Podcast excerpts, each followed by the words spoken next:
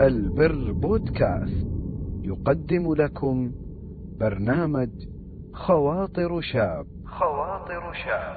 تقديم فضيلة الشيخ حمد العتيق. حفظه الله. آه، شيخنا الله يحفظكم. آه، بعض الشباب تحصله يدخل مواقع التواصل الاجتماعي ويعني يتعرف ويبدأ يمارس العلاقات المحرمة. فلما تنصحه يقول لك يا أخي أنا ناوي أتزوج. فبهذه الحجة يتعرف على يتعرف على البنات ويتواصل معهم ويقول لك يعني أنا إذا الحين ما كلمتها شو يضمني يعني إن بعد ما أتزوجها هي تكون نفس تفكيري ونفس اللي أنا يعني نفس اللي أنا أبغيه منها. ف شو رأيكم الشيخ؟ إيه، دائما آه، بعض الشباب يظن إن كل قديم غير صالح وإن الجديد هو الصحيح. هو الصحيح وانه هو الصالح وإن دائما النسخة المحدثة هي الأفضل من العلاقات وغيره. هذا ليس على كل حال يعني لو إنسان الحين اخترع لنا دين جديد وقال والله الدين القديم غير صالح.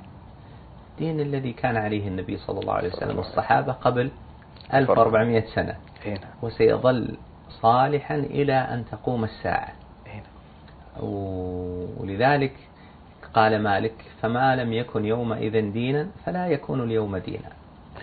فمسألة والله هذه والله شيء جديد وأن نبي نواكب العصر الجديد لذلك يصير عندنا طريقة في العلاقات مع الجنس الآخر بالطريقة الجديدة والطريقة المحدثة وتطور العالم. هذا ليس على كل حال وهذا اللي يقول خلني آه، يعني يكون لي علاقات مع الجنس الآخر سواء كان ولد يعني ابن يعني ذكر يريد أن يتعرف على بنت أو بنت تريد أن تتعرف على على ذكر. أولا آه، ما الذي يضمنك وعندك ثقة بأن هذه العلاقة لا تتطور حتى يصل ذلك إلى الحرام؟ كثير من البنات بل إن لم يكن كل البنات وكل الأولاد اللي وقعوا في النهاية في الفاحشة وفي الحرام كان في البداية وش يقول؟ يقول بس بتعرف وبشوف آه، يعني آه، الجنس الآخر أساس أني أبى أتزوج. ثم اتبع خطوات الشيطان خطوة خطوة خطوة خطوة حتى وقع في ماذا؟ في الحرام. حتى وقع في الحرام. هذا أولا. وثانيا هؤلاء اللي يقولون هذه الحجة ترى هم يكذبون ويعلمون أنه يكذبون. يعني واحد آه، يريد أن يتزوج ويبدأ بعلاقة حب وعمره 14 سنة. نعم. هذا متى ناوي يتزوج؟ الله يوفقه. هو يعلم أنه لا يمكن يمكن يتزوج إلا عمره 26 27 أو 30 سنة. نعم. إي يعني ضعف عمره اللي هو الحين يعني إذا وصل ضعف عمره سيتزوج.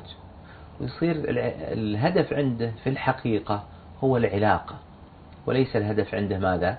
الزواج هنا.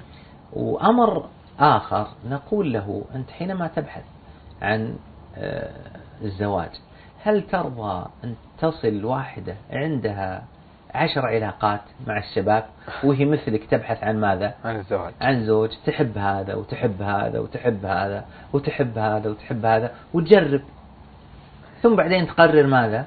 ثم تتزوج. ثم تقرر أنها تتزوجك.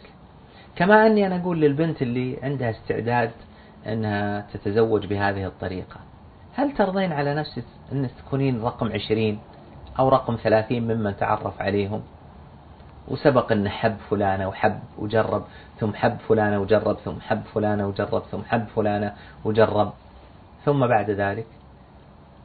النهاية. ما في أحد يرضى منا أن يكون هو رقم عشرين ولا يرضى أن يكون الطرف الآخر في حياته ماذا؟ أن الطرف الآخر يعده رقم عشرين أو هو ذاك يعده رقم عشرين. والقلب والنفس إذا تعودت تعرف اليوم وترك تعرف اليوم وترك تعرف اليوم وترك إذا جاءت علاقة الاستقرار وعلاقة الزواج ما استطاع له ما يقدر. لماذا؟ لأن التعود على ماذا؟ تعود على التنقل بحجة ماذا؟ حجة أن يكون عندي يكون عندي علاقة. ثم آه نقول لهم هذا الذي يعني يقرر هذه القاعدة. أن ترضى أن بنتك يفعل بها هذا الشيء أو أختك يفعل بها هذا الشيء؟ أنت كشاب أنك عندك بنت عشرة من الشباب كلهم إيش؟ يتعرفوا عليها. يتعرفون عليها وكلهم يفكرون أنها ما أنهم ماذا؟ بالزواج. يتزوجونها.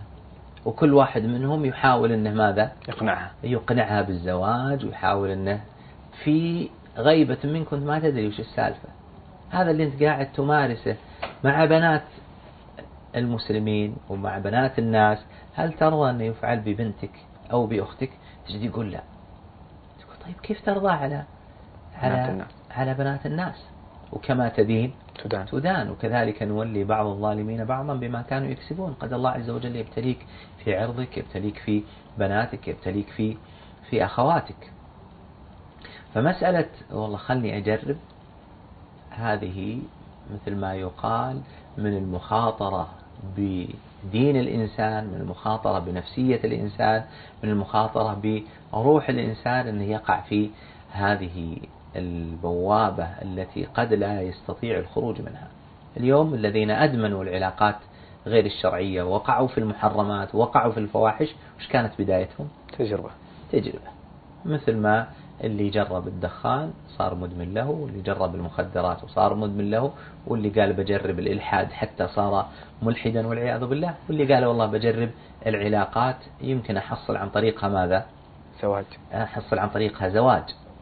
ولا بد أن يعرف كل شاب وكل شابة أن معصية الله لا يمكن أن تكون وسيلة لتحقيق السعادة. إنه لا ينال ما عند الله بمعصية الله.